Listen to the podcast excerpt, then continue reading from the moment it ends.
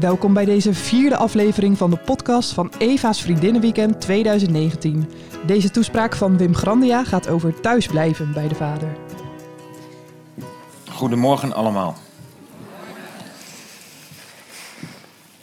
Ik had jullie uh, gisteren iets uh, beloofd. En uh, belofte maakt schuld. Ik zou jullie namelijk even het plaatje laten zien van het hele schilderij. De terugkeer van de verloren zoon van Rembrandt. En ik heb er gisteravond en vanmorgen vroeg weer opnieuw naar zitten kijken. En dat zie je dan maar even op je computerschermpje in het echt. 2 bij 2,5 meter moet dat nog veel indrukwekkender zijn. Uh, maar wat is dit een ongelooflijk mooi schilderij. En wat heeft Rembrandt zijn best gedaan, of niet soms? En als je, als je gewoon even goed kijkt wat je op dit schilderij allemaal ziet. Uh, je ziet daar die vader en de, en de thuiskomst van de jongste zoon. Daar zitten we dus eigenlijk al een etmel naar te kijken. Maar, maar als je even naar het complete, complete plaatje kijkt... dan zie je een knecht op de achtergrond... Je ziet iemand waarvan kennis van een schilderij zeggen dat is waarschijnlijk een van die fariseeën, die, die schriftgeleerden die meeluisteren. En je ziet daar eh, rechts van het plaatje zie je een hele statige man staan. Hij staat ook op een beetje op een verhoging. En dat is die oudste broer, die daar echt zichzelf verhogend op afstand, heel afstanden kijkt naar dat tafereel van zijn jonge broertje dat thuiskomt en bij vader verzoening mag vinden. En als je, als je heel goed kijkt, helemaal op de achtergrond, zie je ook een vrouw. En volgens de kennis van dit schilderij is dit de moeder die ontroerd toekijkt hoe er verzoening plaatsvindt tussen de vader en de zoon. Maar als je, als je heel goed kijkt naar dit schilderij en je gaat even verder inzoomen, dan zie je nog een vrouwelijk element van dit schilderij. Want als je namelijk even gaat inzoomen op de handen, moet maar eens kijken. Als je goed kijkt, zie je twee verschillende handen.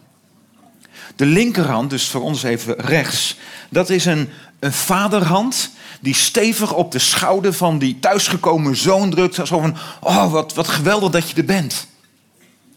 Maar de rechterhand, dat is veel meer uh, een slanke vrouwenhand die, die los op de, op, de, op de rug van de zoon ligt. En eigenlijk heel bijzonder.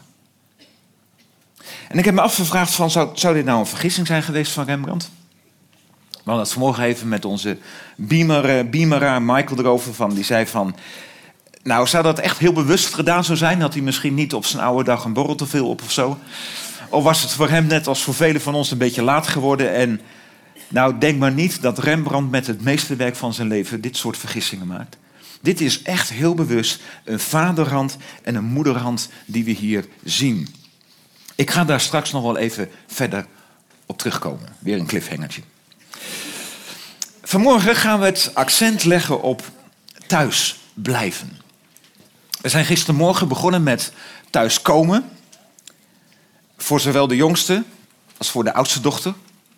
Gisteravond hebben we met elkaar nagedacht over thuis zijn. En wat was het heerlijk om, om het feest te vieren, om bij vader aan tafel te zitten.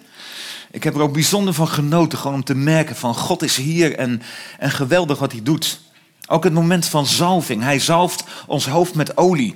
Um, ik had vanmorgen een beetje kramp in mijn handen, oké. En uh, kan je ook zeggen, dit doe ik niet elke zondagmorgen na afloop van de dienst? Maar ik vond het wel heel mooi om het te doen, maar ook gewoon om te zien wat, dat, wat het met jullie deed. Ik geloof echt in door de Bijbel zelf aangedragen symbolen. Om, om, om iets heel dichtbij te brengen. Om duidelijk te maken dat we gezalfde mannen en vrouwen van God zijn. En dat we vanmiddag ook als gezalfde vrouwen weer terug mogen gaan naar huis, naar ons thuis, naar onze omgeving. Geweldig is dat. Wist je trouwens dat in de, in de vroege kerk, de eerste twee, drie eeuwen van de kerk, dat het toen de, de gewoonte was, de traditie was, om als mannen en vrouwen werden gedoopt, dat ze daarna ook werden gezalfd met olie. En dan niet alleen met hun voorhoofd, maar dat hun hele lichaam werd gezalfd met olie als teken van vervulling met de Heilige Geest. Dus wat we gisteravond hebben gedaan, een beetje in het klein, dat is geheel in de traditie van de vroege kerk. En het was mooi om dat zo met elkaar te kunnen doen. Um, en vanmorgen dus gaan we nadenken over thuis blijven. Maar eerst even die vraag die ik gisteren zo even, even tussendoor stelde. Als we luisteren naar deze gelijkenis, Waar is Jezus zelf in dit verhaal? Waar, waar, is het verhaal van zijn volbrachte werk? Waar zit nou het evangelie in deze gelijkenis? Want het lijkt er een beetje op, als je zo het verhaal op je, op je af laat komen, laat binnenkomen. Het lijkt er een beetje op alsof deze jongste zoon geheel op eigen initiatief, in eigen kracht opstaat en weer terug gaat naar de vader. En dan komt hij daar aan en dan lijkt het ook alsof de vergeving en de verzoening tussen die vader en de zoon, nou eigenlijk zomaar lijkt plaats te kunnen vinden. Terwijl de Bijbel heel erg duidelijk is dat als het gaat om die verzoening tussen God en mens, dat daar een offer voor nodig is. En Petrus die schrijft in zijn brief over dit offer als zijnde een, een lam zonder smet of gebrek. En dan zegt hij er gelijk bij, alsof het nog niet duidelijk is, dat is Christus, de Zoon van God. Voor verzoening tussen God en mensen moest er een offer van een smetteloos lam worden gebracht. De Hebreeënbrief leert ons dat er zonder bloedgieten geen vergeving kan plaatsvinden. En zo lezen we in het Nieuwe Testament allerlei teksten die allemaal in dezelfde richting wijzen. En, en hoe mooi wordt dat samen ge, gevacht, uh, gebracht en samengevoegd door Johannes, die schrijft in 1 Johannes 1, vers 7. Het bloed van Jezus Christus, zijn zoon, reinigt ons van alle zonden. Laat dat heel erg duidelijk zijn. Dat geweldige, intieme moment dat we gisteren zo hebben gezien en hebben meegemaakt en meegevoeld. Die verzoening tussen vader en zoon. Dat was en is alleen maar mogelijk. Omdat de Heer Jezus is gekomen, omdat hij bereid was om zijn leven te geven, zijn lichaam te laten breken, zijn bloed te laten vloeien. En ik dacht vanmorgen eigenlijk, ik weet niet of dat wel eens gebeurd is op een evenweekend, maar eigenlijk zouden we vandaag ook het avondmaal moeten vieren. Dan hebben we het helemaal compleet. De zalving, het brood, de wijn, het hoort er allemaal bij. Jezus, hij gaf zijn leven, hij gaf zijn lichaam voor ons. En wat zegt Jezus zelf in Johannes 14, vers 6? Hij zegt, ik ben de weg, de waarheid en het leven. Niemand kan bij de Vader komen dan door mij. Dus de route naar Vader, de route terug naar huis, er is maar één route, er is maar één weg. En dat is Jezus. Je kunt alleen maar, en dit is, dit is niet arrogant, dit is niet hoogmoedig, maar wel zeer exclusief. Er is maar één weg terug naar het Vaderhuis. En dat is Jezus. Hij kwam om voor ons de weg te worden. En als ik nu toch het evangelie aan het uitleggen ben, laten we dan deze tekst er ook maar even bij nemen. Hij doet het uh, niet Michael. Misschien kun jij hem even doorklikken naar de volgende. Is de batterij op of zo? Ja, daar komt hij aan. Deze tekst, als het goed is, nou, dan kennen we die allemaal uit ons hoofd. Hè? Want God had de wereld zo lief dat hij zijn enige zoon heeft gegeven, opdat iedereen die in hem gelooft niet verloren gaat, maar eeuwig leven heeft. En in vers 18, over wie in de zoon gelooft, wordt geen oordeel uitgesproken. Maar, en dat is de andere kant van de medaille, en die moeten we ook eerlijk zeggen. Maar wie niet in hem gelooft, is al veroordeeld omdat hij niet wilde geloven in de naam van Gods enige zoon. Het gaat dus, ook dit weekend, ook met dit verhaal, het gaat dus om het geloof in de Heer Jezus. In zijn verbrachte werk. Maar waar lees je dan dat in dit verhaal? Waar lees je nou in dit verhaal het evangelie?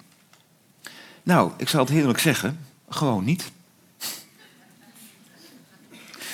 Want weet je, deze gelijkenis is geen evangelisatiepreek. Dan zou Jezus een heel ander verhaal hebben gehouden. Deze gelijkenis, en we hebben dat gisteren gezien, is eigenlijk veel meer een soort van vermaningspreek. Bedoeld voor die fariseeën en die schriftgeleerden die het maar niet konden verkroppen dat al die tollenaars en die zondaars bij Jezus kwamen en zomaar welkom waren en zomaar vergeving ontvingen. Dit is een vermaning voor de fariseeën en de schriftgeleerden, een vermaning voor de oudste broers en zussen onder ons. Dus geen evangelisatiepreek. En toch, als je goed luistert, het evangelie zit er impliciet verborgen het zit er wel in. En wie mij hierin op een heel mooi spoor heeft gezet, dat is de denk ik wel, ook hier in Nederland zeer bekende en zeer bijbelgetrouwe theoloog Tim Keller. Die heeft een heel dik boek geschreven over deze gelijkenis, wat ik ook al een paar keer gelezen heb. Die oudste broer in dit verhaal, hè? probeer nog even dat plaatje voor je te halen. Die oudste broer, in dit verhaal zien we hem niet doen wat Jezus wel deed. Jezus wordt soms wel onze oudste broer genoemd.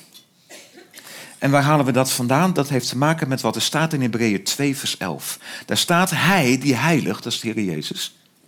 En zij die geheiligd worden, dat zijn wij, hebben eenzelfde oorsprong. En daarom schaamt hij zich er niet voor hen zijn broeders en zusters te noemen.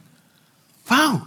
Dus Jezus, onze koning, onze Heer, als hij het over ons heeft, dan heeft hij het over zijn broeders en zusters, over zijn broers en zussen. Wij zijn de broers en zussen van Jezus. En dan is hij de eerste, dan is hij de oudste broer, Jezus. Die wel heeft gedaan wat de oudste zoon in het verhaal niet heeft gedaan. Want wat had de oudste zoon moeten doen? Natuurlijk, die had op een dag naar zijn vader moeten toegaan en moeten zeggen: Vader, hoe zou het zijn met, met mijn jongste broertje? Ik mis hem.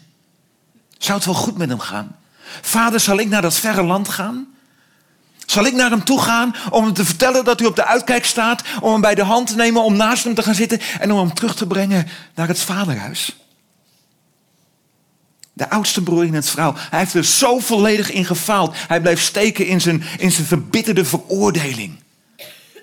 Maar Jezus, onze oudste broer, hij verliet het vaderhuis. En hij ging op weg naar het verre land waar al die jongste zonen en dochters zitten. Om naast te gaan zitten. Om ze bij de hand te nemen. Om de weg te worden terug naar het vaderhuis. Glorie aan onze oudste broer. Amen.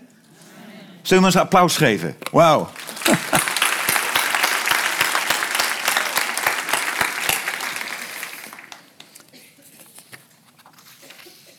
Weten jullie nog wat ik gisterenmorgen bij de inleiding heb gezegd hoe je naar deze gelijkenis kan kijken? Ik heb het toen genoemd een spiegelverhaal. Een spiegelverhaal waar je voor kunt gaan staan en waarbij je jezelf de vraag mag stellen: in wie herken ik mij nou? En toen heb ik gezegd, het kan zijn dat je je herkent in de jongste zoon. Het kan zijn dat je je herkent in de oudste zoon. Maar het is eigenlijk de bedoeling dat we ons ook gaan herkennen in die vader, in dat, in dat hart van de vader, in die, in die houding van de vader. En ik heb er toen bij gezegd, ik hoop dat als mensen naar mijn leven kijken, dat ze iets terugzien van, van die vader uit dit verhaal. Als we vanmorgen nadenken over thuisblijven, dat heeft dan voor mij enerzijds te maken met steeds weer elke dag opnieuw proeven en genieten van de goedheid van de Heer. Elke dag weer opnieuw aan tafel bij God en, en leven in die diepe, hechte relatie met Hem. Daar ga ik straks nog iets over zeggen. Maar thuis blijven, dat heeft vooral te maken met dat als we thuisgekomen zijn, dat God ons in een proces wil gaan plaatsen waarin wij steeds meer en meer op de Vader gaan lijken. Zoals ze ooit ook zijn geschapen naar zijn beeld en naar zijn gelijkenis. Dat is het proces waar God, als ze zijn thuisgekomen, in wil plaatsen. Jezus die zegt in Lucas 6, vers 36, wees barmhartig zoals jullie vader barmhartig is. Met andere woorden, Jezus wil dat in ons, in ons leven diezelfde barmhartigheid die we de afgelopen 24 uur zo mooi hebben gezien in de wachtende Vader als een beeld van God. Jezus wil dat dezezelfde barmhartigheid ook in ons leven zichtbaar gaat worden. Weet je, ik geloof als er, als er nou iets is dat ons land nodig heeft. Wat de jongste zonen en dochters van ons land nodig hebben. En wat ook de oudste zonen en dochters, die vooral vaak in de kerken van ons land te vinden zijn. Wat ze allemaal nodig hebben, dat zijn vrouwen, mannen, vrouwen. In wie de barmhartigheid van de Vader zichtbaar wordt. Mag ik het vanmorgen zo zeggen? En het klinkt bijna als, als de tekst van een, van een wervingscampagne gezocht, dringend gezocht, geestelijke vaders en moeders. Weet je, het is geweldig om thuis te komen. Het is geweldig om thuis te zijn. En nog beter om thuis te blijven. Maar wat wil God dan gaan doen? Hij wil dat we gaan groeien naar geestelijke volwassenheid. En dat we op een dag een geestelijke vader en moeder zijn geworden. Mag ik je daar vanuit de Bijbel een paar hele mooie teksten over voorlezen? Paulus die schrijft daarover in 1 Corinthians 4, vers 14. Ik schrijf dit alles niet om u te beschamen, maar om u als mijn geliefde kinderen terecht te wijzen. Hier spreekt een vader, een geestelijke vader, en hij spreekt zijn geliefde kinderen aan. Hoeveel opvoeders in het geloof in Christus u ook zult hebben, u hebt maar één vader. En dan een hele opvallende uitspraak. Door Christus Jezus ben ik uw vader, uw geestelijke vader geworden, omdat ik u het evangelie heb gebracht. Ik roep u dus op om mij na te volgen. Nou, we zien hier gelijk al een paar hele mooie kenmerken van geestelijk vader, geestelijk moederschap. Dat zijn, de, dat zijn de mannen en vrouwen die mensen het evangelie brengen, uitleggen, die mensen bij Jezus brengen. Dat is een roeping die we hebben als we vanmiddag weer naar huis gaan, als we weer de wereld binnenstappen. Dit is de roeping die God je vandaag meegeeft. Wees een geestelijke moeder die het evangelie, dat geweldige verhaal van God, gaat doorgeven aan de mensen om je heen. Het tweede wat we hier lezen, een geestelijke moeder, dat zijn mensen die een voorbeeld zijn. Die een leven leven om na te volgen. En het derde wat we hier lezen, een geestelijke vader en moeder, dat zijn ook de mensen die bereid zijn om terecht te wijzen. En dan niet zoals die oudste broer met dat vervelende, veroordelende vingertje. Nee, terechtwijzen vanuit, vanuit liefde, vanuit betrokkenheid. Echt als een vader, als een moeder. Nog een uitspraak van Paulus, 1 Thessalonicense 2. U weet dat we voor ieder van u waren als een vader voor zijn kinderen. We hebben u aangespoord en bemoedigd en u op het hart gedrukt om zo te leven dat u God eer bewijst. Hij roept u tot zijn koninkrijk en luister. Dus een geestelijke vader en moeder, dat is ook iemand die thuisgekomen broers en zussen aanspoort en bemoedigt en, en op het hart drukt om God eer te bewijzen. Ik moet nu elke keer even de vertaalslag maken van vaderschap naar moederschap. Maar weet je dat er in de Bijbel ook letterlijk gesproken wordt over geestelijk moederschap? Lees maar mee. En dan is het wel een man die aan het woord is, maar hij spreekt over geestelijk moederschap. 1 Thessalonicense 2 vers 7, vanuit de Bijbel in gewone taal. Als apostel van Christus had ik natuurlijk kunnen laten zien hoe belangrijk ik ben, maar dat heb ik niet gedaan. Ik ben vriendelijk voor u geweest, zoals een moeder die voor haar kinderen zorgt. Ik voelde liefde voor jullie. Daarom vertelde ik jullie niet alleen maar Gods goede nieuws. Nee, ik deelde ook mijn leven met jullie. Want ik ben veel van jullie gaan houden. Wat doet een geestelijke moeder? Die is vriendelijk. Die heeft zorg voor anderen. Die deelt de goede boodschap. Die deelt het leven. Die deelt, haar eigen leven, haar eigen hart. En die houdt van de mensen om haar heen. Vanmorgen in de ontbijtruimte kwam er volgens mij een hele lieve moeder naar mij toe. Dat zag ik in haar ogen. En ze zei: Mijn kinderen geloven niet. Zijn jongste zonen en dochters. En ze, ze zijn nog niet thuisgekomen, wat moet ik doen? Nou, dit. Gewoon een moeder voor, voor haar zijn niet alleen een natuurlijke moeder, maar ook een geestelijke moeder. Vriendelijk, vol liefde, uh, deel je leven, deel het goede nieuws, bid voor je kinderen. En wat we vanmorgen heel even kort zeiden in dat gesprekje, uiteindelijk zal het hun eigen keuze blijven. Maar wat is het belangrijk voor moeders, voor de moeders onder ons, om in de eerste plaats voor je eigen gezin, voor je eigen kinderen, om een geestelijke moeder te zijn. Weet je, het is heel mooi om, wat ik net al zei, om thuis te komen. Uh, en als je dan thuis komt bij, bij vader, de Bijbel noemt dat, dan word je op dat moment opnieuw geboren. En als je opnieuw geboren wordt, dan word je geboren als een geestelijke baby. En ja, dan ben je vaak nog heel erg met jezelf bezig. Dan ben je bezig met dingen opruimen in je leven, met, met, met, met genezing van de wonden van je hart. Het mag allemaal, daar heeft God alle tijd voor. En dat is ook een soort van ongoing proces. Maar tegelijkertijd Geestelijke groei betekent dat je steeds minder op jezelf gericht bent, dat je steeds minder met jezelf bezig bent en dat je steeds meer gericht gaat worden op de ander. Geestelijk vader en moeder zijn, dat betekent er zijn voor de ander. Je merkt wel, ik ben in deze laatste toespraak jullie eigenlijk wat geestelijk huiswerk aan het meegeven. Want thuiskomen betekent niet voor de rest van je leven niets meer doen. Thuiskomen bij vader betekent aan de slag, groeien en een geestelijke moeder worden. Nog even terugkomend op die twee verschillende handen in dat mooie schilderij. Ik vind dat, ik vind dat magistraal gevonden. Het laat zien dat God onze vader is, zo mogen we hem ook aanroepen, maar dat God ook als een, als een moeder voor ons wil zijn. En dat heeft niets te maken met feministische theologie of zo, waarbij het woord hij in de Bijbel moet vervangen worden voor zij. Daar ga ik even niet mee. Maar, maar gewoon heel eenvoudig. Als we aan het begin van de Bijbel lezen dat God man en vrouw schiep en dat hij hen beide schiep naar zijn beeld en zijn gelijkenis, dan betekent dat God, God is God, God is geen mens, dat God zowel vrouwelijke als mannelijke kanten heeft. Dat God zowel een vader is, en zo mogen we hem aanspreken, maar dat hij ook als een moeder voor ons wil zijn. En dat laat Rembrandt zien met die twee verschillende handen. Mag ik je daar twee mooie teksten over lezen om dat ook vanuit de Bijbel te laten zien? Psalm 131. David die daar zegt, ik ben stil geworden, ik heb mijn ziel tot rust gebracht. Als een kind op de arm van zijn moeder. Als een kind is mijn ziel in mij. God wordt hier voorgesteld als een moeder. En dat is hij ook. Of Jezaja 66 vers 13.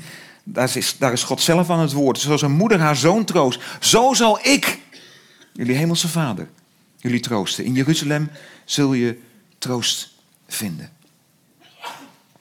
Dus zo lezen we in de Bijbel over, over geestelijk vaderschap en ook over geestelijk moederschap.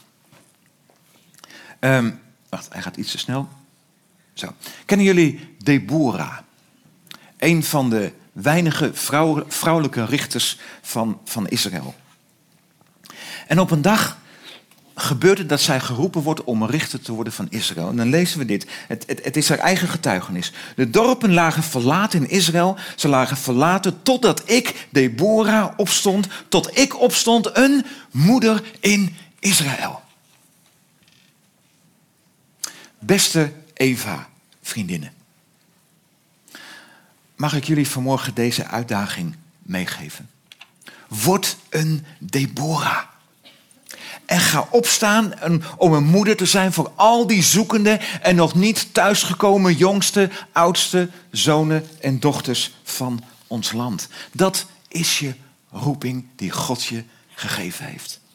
Word een geestelijke moeder. Word een Deborah. We willen je straks iets gaan meegeven. Um, het werd net al een beetje aangekondigd. Maar we gaan je straks een, een soort cadeautje meegeven. Maar het is eigenlijk veel meer dan een cadeau. We willen je straks een, een herinnering mee gaan geven. Als een, als een aanmoediging, als een bemoediging om in die roeping die God je geeft, om daarin te gaan staan. Het is een heel klein dingetje. Ik heb hem even hier verstopt.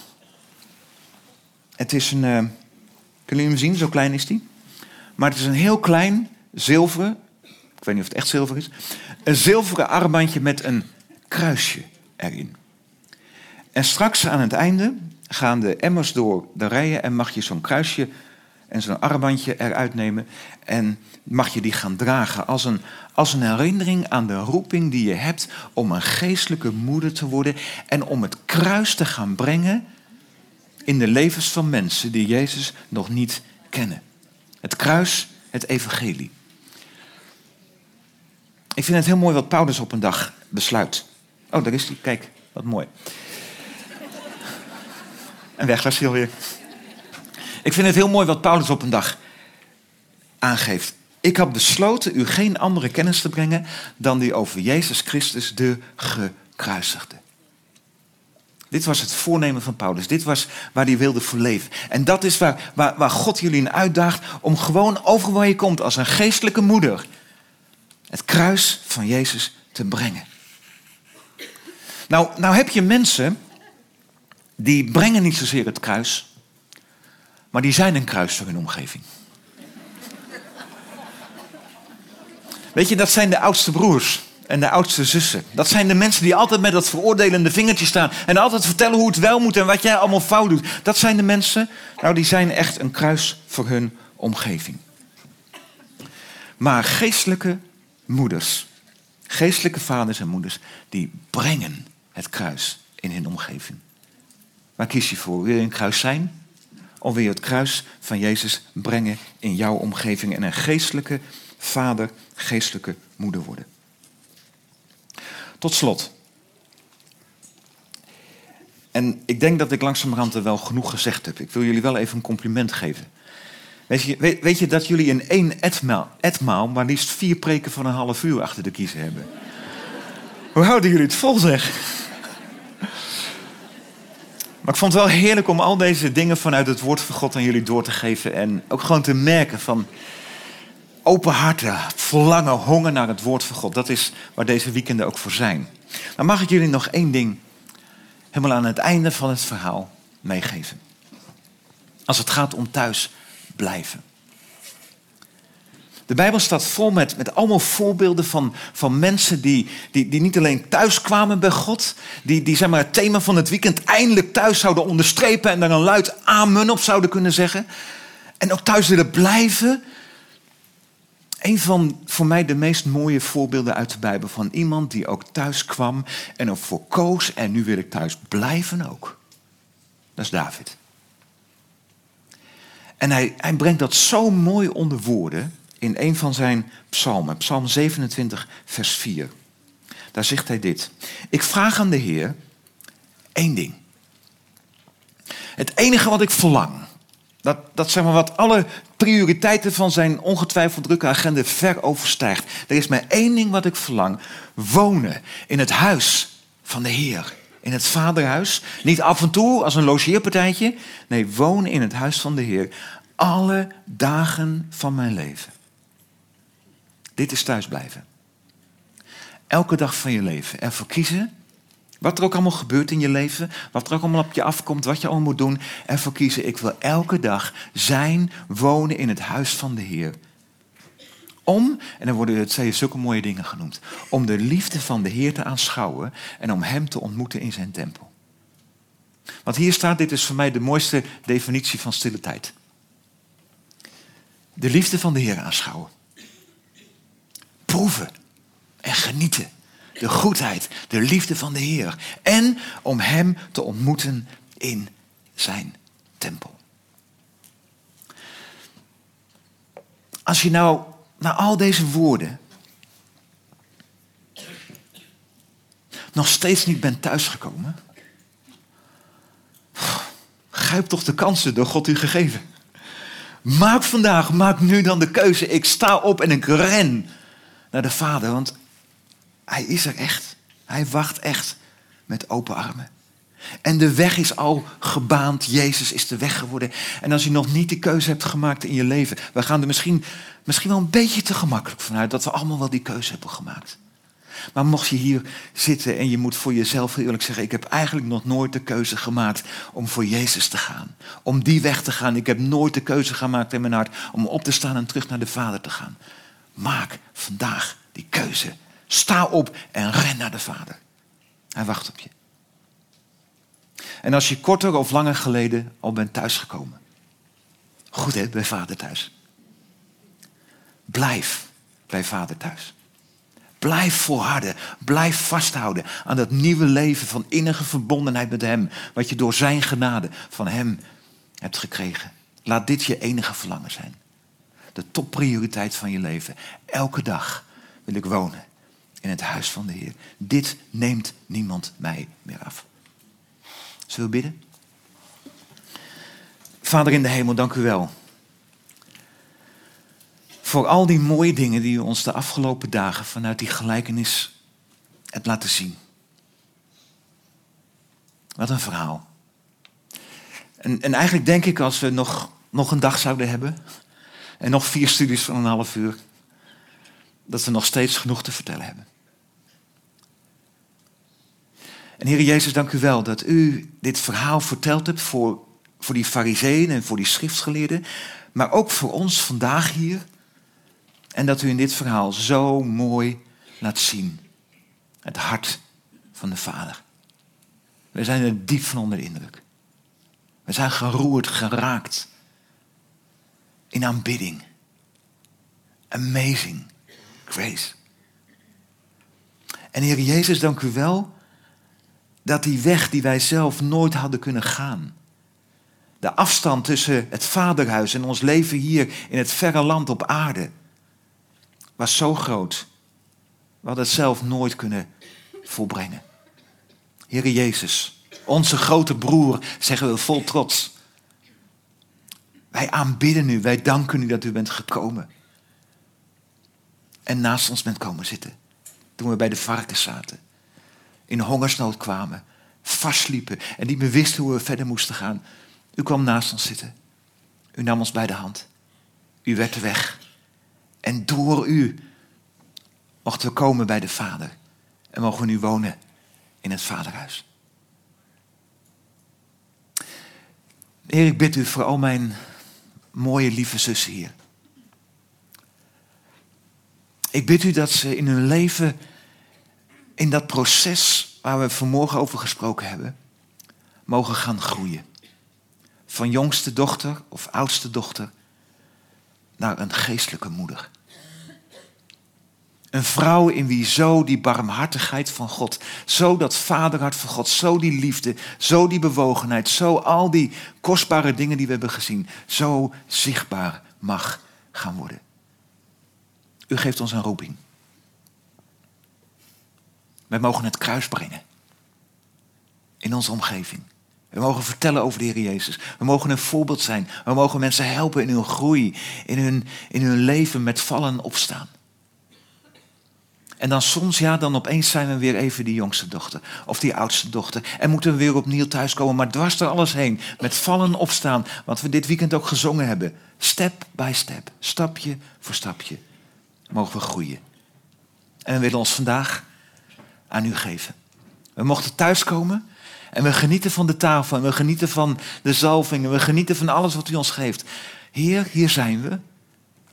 En we willen heel graag de roeping van ons leven opnemen.